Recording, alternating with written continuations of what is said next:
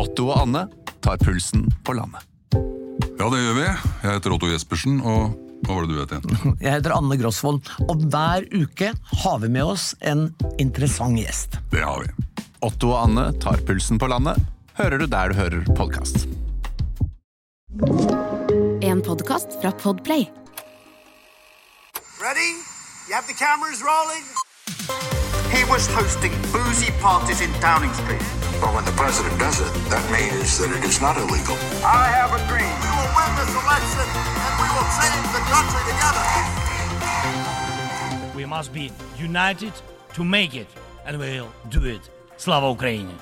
Velkommen. Velkommen. Mitt navn er Eirik Bergesen. Og mitt navn er Sofie Høgestøl. Og dette er vårt nokså uhøytidelige, veldig personlige forsøk på å gå bak ukas nyheter, lete etter sammenhenger, si noe om fremtiden, på jakt etter det store bildet slik vi ser det.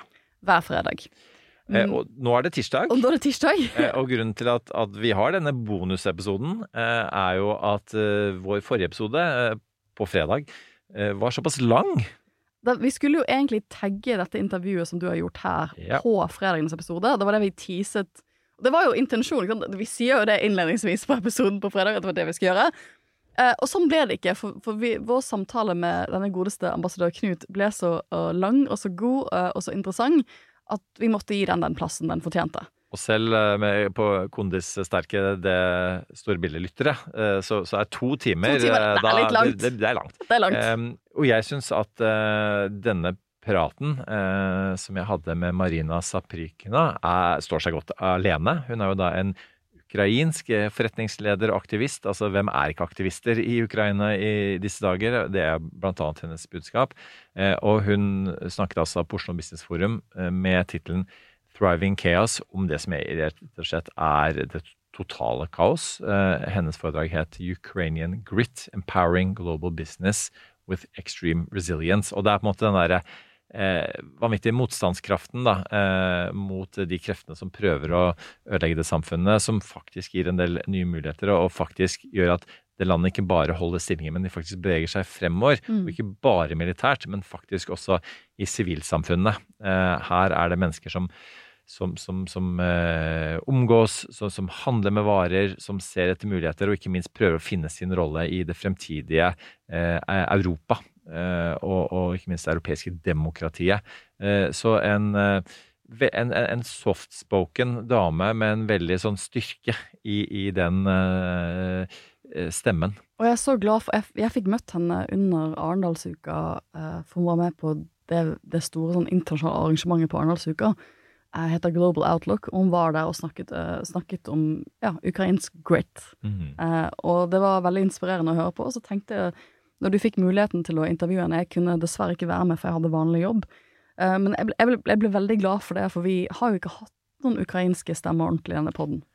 Uh, og det har vært en mangelvare. Uh, så det å få snakke med, med noen som, som står midt i dette, som kan gi oss det ukrainske perspektivet, og som kan gi oss kanskje et litt annerledes ukrainsk perspektiv enn det vi hører om ellers, eh, det syns jeg var veldig fint eh, at vi fikk til.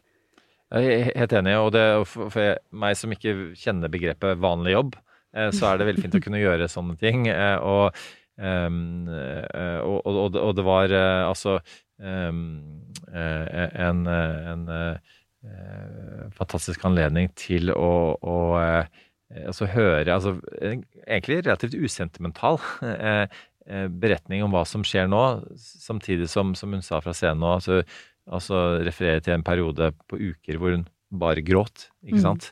Eh, og så reiser man seg, og så ser man hva, hvordan man best kan, eh, kan gjøre noe med situasjonen. Og eh, altså løse det som nå virker uløselig.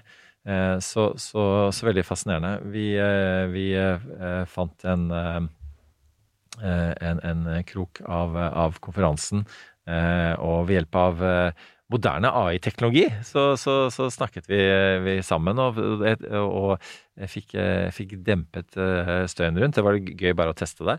Eh, eh, så og, og det ble en, en fin samtale, så vær så god, lyttere.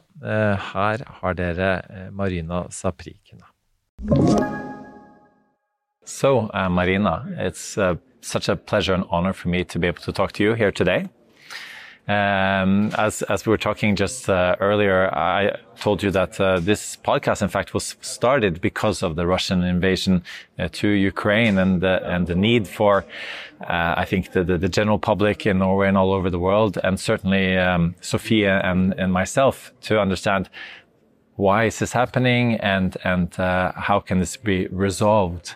And um, I just heard you speak here at Oslo Business Forum. And it was very inspiring.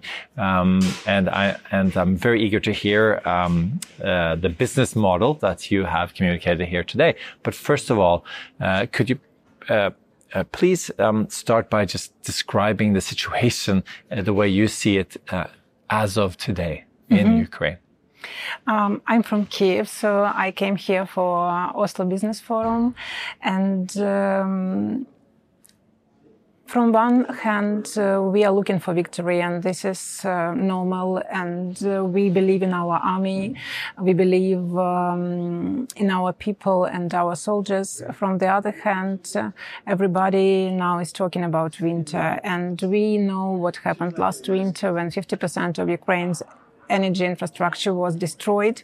And uh, we know that this winter could be quite difficult because of uh, uh, of the high demand for electricity and uh, the infrastructure is still damaged. And uh, we have already uh, observed that Russia, Russia's, Russia started to uh, fire their uh, rockets and drones at uh, critical infrastructure. So they made a kind of preparation for this. And just two nights ago, it was um, Odessa, and uh, their uh, aim was uh, grain terminal to make the hunger worldwide, but we understood uh, that quite soon it would be a critical energy infrastructure. Hmm. And um, you talk about the, the army, but, but, you come from the, the civic society and businesses. Uh, how would you describe the way civic society in uh, Ukraine has managed since the war started? Um, in my in my opinion, it strengthened uh, a lot, and also new, many new initiatives appeared, and Ukrainians showed great example of volunteering and actually. Um, volunteer, uh, number of volunteering organizations increased by uh, eight times. Uh, also, there are a lot of volunteers in the companies, etc., etc. So um, we volunteered a lot, and I think it also um, strengthened uh, Ukrainian society because this organization, being informal now, they have already been registered, and uh, uh, it's a kind of new source for our civil society movement. And also now we have a very key segment of civil society uh, that worked for um, for army. They collect uh, money for drones, for um, some military help. Uh, we're at a business conference now, and, and, the, and the, the, title of the conference is "Thriving in Chaos," and, and your country um, are, are, sort of thriving in total chaos uh, these days. How is that even possible? Uh, I'm proud of Ukraine, Ukrainians and Ukrainian business, and uh, I think uh, it's also something about uh, being Ukrainian, uh, and also that time. Um, and now we do not have any other option. It's our land, uh, and you you already know that I'm from eastern Ukraine, from occupied um, territories, and for us, it's this is um, the war for independence, but uh, it's the war to think freely. And uh, I, I, think that it's not only Ukrainian war; it, it's it's a war which which for, for Europe and for the whole, whole world. And uh, I think that for businesses, uh, it was also very important um, to help the country. And I talked about the big objective which many businesses have now, and they tell about this, that now they have super task or the big objective to help our co- country to win or to help our country to be um, a member of European Union. And um, I think that this big objective uh, drives this extreme resilience uh, shown by Ukrainian people and business. Mm. You, you use the word resilience a lot in, your talk and in interviews I've read with you. Um, how would you describe uh, this keyword? Uh, it's exactly what you said. It's thrive in turbulent times. Mm. Uh, sure, in the beginning, it was not about thriving. It was about um, existing, but we move forward and now it's about thriving. And I told some fantastic um, results of Ukrainian companies. And for me, I think it's amazing to open new, off- new offices in seven countries in a year from scratch. And this is about resilience. Um, this also when company lost everything and then they started to do the same thing again because they believe in their business. They believe in the country. It's important. And I think it also um, give a lot of strength for us to be resilient. Mm. But, but I should say that every company has its margin of resilience and it should, um, and it could be improved actually it's what our companies told me but the most important is to get prepared for this kind of margin and resilience. Mm. So, uh, um, a lot of business leaders have, have uh, been hearing you today speak, um, and and and about values and and you also uh, said that it has to be about more than money. And and I assume you're speaking in a broader sense that that other countries as well uh, in in peacetime have to build their companies also on other values than earning money.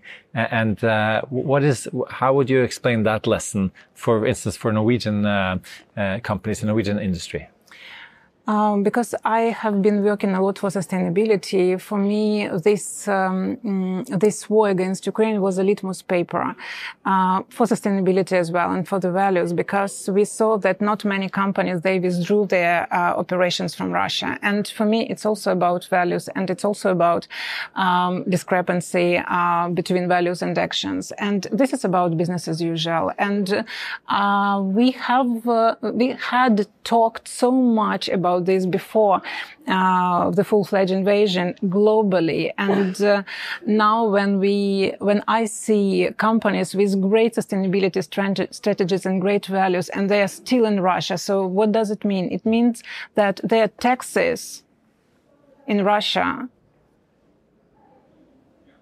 contribute to this war against Ukraine. So this is, and for me, this is about values and this is about this big discrepancy we have now. And this is about business as usual, unfortunately, because they say something different, but their actions confirm other things. Mm. Uh, you worked in uh, within sustainability for many years, and uh, and uh, one thing is is the the company's position uh, in in the in the war. Another thing is uh, inequality in the world and and, uh, and, and climate and the ESG goals in themselves, uh, equality, sustainability, and governance. Uh, how how do you see the world, um, the commercial uh, sectors globally emerging in, into the future? Um, well, I, I already see that sustainability is being transformed. For example, in ESG ranking uh, before the full-fledged invasion, it was impossible to see some investments in military area. But now uh, some um, investment banks and funds, they um, allow such kind of uh, investments because it's about defending your country. And I think it's a big, big, big challenge. Um, also, I think that uh, quite soon after our victory, there will be a big, a big transformation moment for country rebuilding. And I think it's also about global sustainability and uh, rebuilding the country because now we have the most brutal war in Europe since the Second World War. Mm. And that, so that's why it will be also a kind of litmus pa- uh, paper, litmus test for many, many companies in the future. And I think that such kind of trends would definitely um, transform the future sustainability. And sure, we have climate change and it, uh, um, each and uh, reaction uh, actions of companies towards climate change should be strengthened. And also, I know that um, in Norway. Um, uh, your pension fund now has a lot of uh, money because of uh, this war, and mm. I know that there are it's around 170 um, billion dollars, mm. and uh, it's because of the uh, prices uh, on oil and gas again because of the war, and I know that there are some kind of discussion to um, to channel this money to climate change fund, but I think that there also should be some place for Ukraine rebuilding as well. Mm, yes, because this is uh, a difficult issue in Norway since since uh, it was an um, an article in the Economist uh, that uh, had a yeah. title with uh, war profiteering, yeah. and it's obviously not something. Uh, I, I, know that my my former colleagues as Norwegian diplomats they like reading about, and and I know there there are being steps made, but but um, uh, how important uh, do, do you see um, uh, that this issue uh, for Norway abroad? Uh, how important is it for our our, our trustworthiness uh, um, up up against Ukraine, for instance, in this matter? I know that Norway supports Ukraine a lot, and we really appreciate it. And you are our big, big friends. Mm. And actually, um, I. I didn't know about this pension fund till the last till the last uh, June when, July when I came for yeah, for this festival. But um, I think that Norwegians do a lot to support Ukraine, and this is true, and uh, it's important uh, for us. It's important a lot, and but also I think it's uh, important to. Um, to continue this kind of support because we really need it and uh, I saw, I, I showed this picture from Odessa just two nights ago and it's heartbreaking and the voice still continues. So, um, we really hope for more support. There's uh, obviously, um, uh, a, a, a, big discussion about democracy uh, all over Europe, and in many ways we see the Western idea of democracy. Um, uh, um, that that's that people are, are, aware of that in a in a different way, and and uh, this follows in the tracks of of globally democracy is going down. Um, how do you, how do you see uh, the whole world responding and uh, sort of a, a, democratic revolution, not not just in Ukraine, but but, but uh, that that can, can spread uh, further? Uh, yes, we uh, are a bit worried in, in terms of future U.S. elections, and um, it's it's a big issue. Um, but I think that it's about right thing to do, and uh, I think that during such kind of things, right things will be always on the top of the list. Mm. Uh, so I believe, and also I believe in people. And um, I told you that um, I told to, to the audience that I spent um, six months in Vienna. Um, but before I spent um, three, I, I, spent just one month in in Hungary. But uh, we, my Hungarian friend, uh, she was so hospitable. She was so supportive. So I, uh, perhaps in some countries, I do not believe uh, uh they are politicians, but I believe in people, and I believe that these people uh, believe in good things. Mm, because obviously, both in Hungary and as you mentioned, uh, the US, um, uh, th- there there are movements that are populist and that that talk down uh, even uh, uh, democratic movements that are the, they're too elitist Yeah. or or, Yeah. uh, or or just uh, um, in, in in different ways and and and. and Political parties, political leaders are are, are uh, benefiting from this type of rhetoric. Uh, how do you think that can change? Uh, well, I think that um, I'm not uh, so uh, in politics, in poli- politics, let's say, but for me, uh, I, I, I believe in people, and that's why I believe that they will make the right decision, and regarding their country, but also regarding uh, the global issues like the war in Ukraine. And that's why I believe that everything will be good with uh, US support and with US assistance because people uh, will make the right choice. Mm. Yeah, there's an election coming up there, and there's, that's a way of uh, the people and the voters to, to, to letting know uh, what their opinions actually are.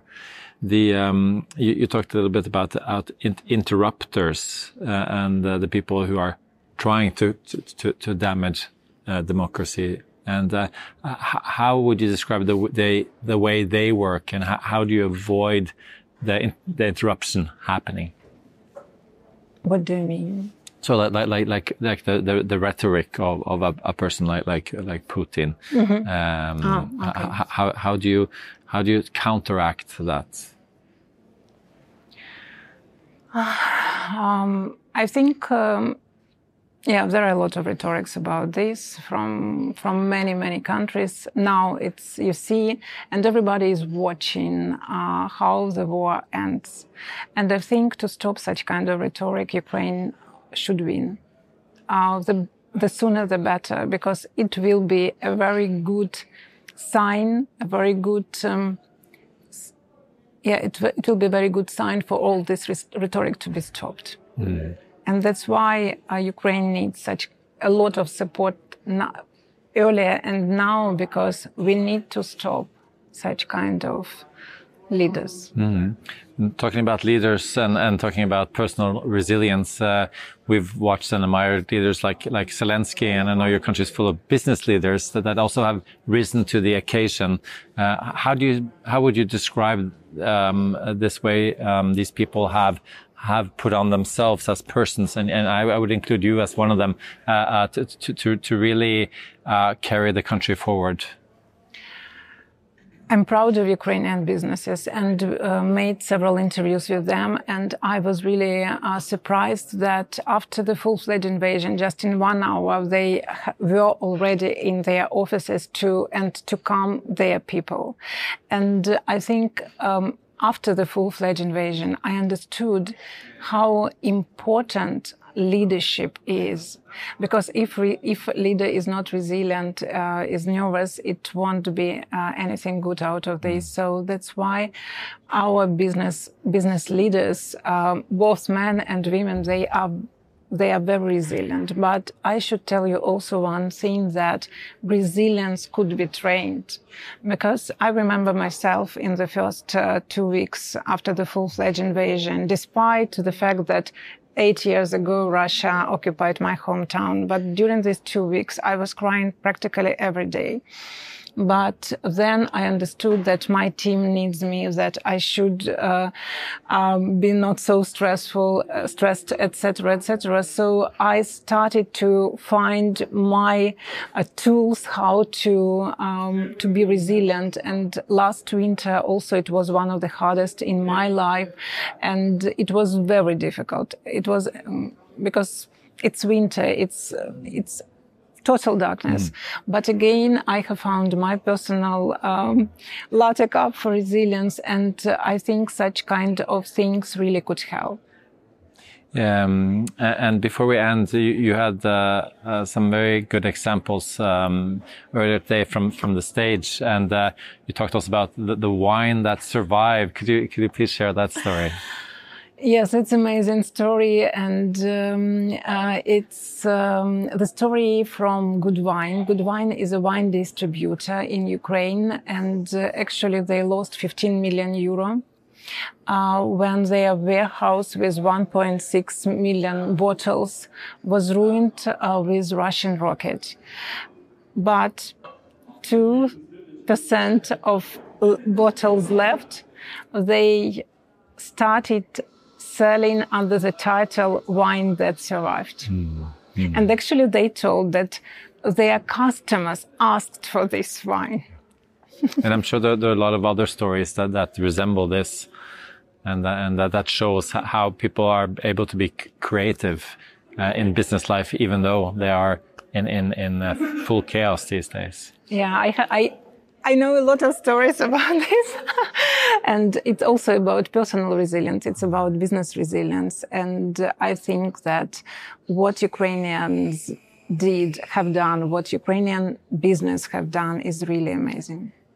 And uh, I, I, think that a, a, lot of us would uh, agree uh, from from from watching uh, watching it uh, through the media and also uh, listening to you today. Um, how would you, if we sum up at the end, how do you see um, a, a, resolution going forward um, that that would work for Ukraine and and Europe and the world? Victory and sustainable uh, rebuilding. Excellent. Thank you so much. Thank it's you. Uh, nothing more to say. That sums it up very, very uh, clearly. And thank you for taking uh, time and, and, the best of luck in all your endeavors and, and your country as well. Thank you for your questions and for support. That's enough. Put down the mic. Du har hørt en podkast fra Podplay. En enklere måte å høre podkast på. Last ned appen Podplay eller se podplay.no. Nei, men er det ikke selveste Larsen som ringer, da? Ja, hvordan går det? Jo da, det kan ikke annet enn å klage, si. ja, hva er det du lurer på i dag, da? Nei, eh, eh, jeg bare tenkte på eh, Ja, hva tenkte du på? Den fakturaen som har forfalt. Å oh, ja, den ja. Oh, oh, jeg må rett og slett bare ha glemt den fakturaen. Visste du at åtte av ti betaler etter første purring? Ikke vent for lenge. Med Amili, en ny løsning fra Visma, får du alt du trenger for raskere betaling. I én komplett løsning. Se hvordan på Amilie.no. Kronemarked hos Spar. Nå har vi en mengde varer til 10 og 20 kroner. Hele denne uka får du løbiff fra Folkets før 54,90, nå kun 20 kroner. I tillegg får du et utvalgt Vasa knekkebrød, før fra 1690, nå bare 10 kroner. Alltid tilbud på noe godt. Hilsen oss i Spar.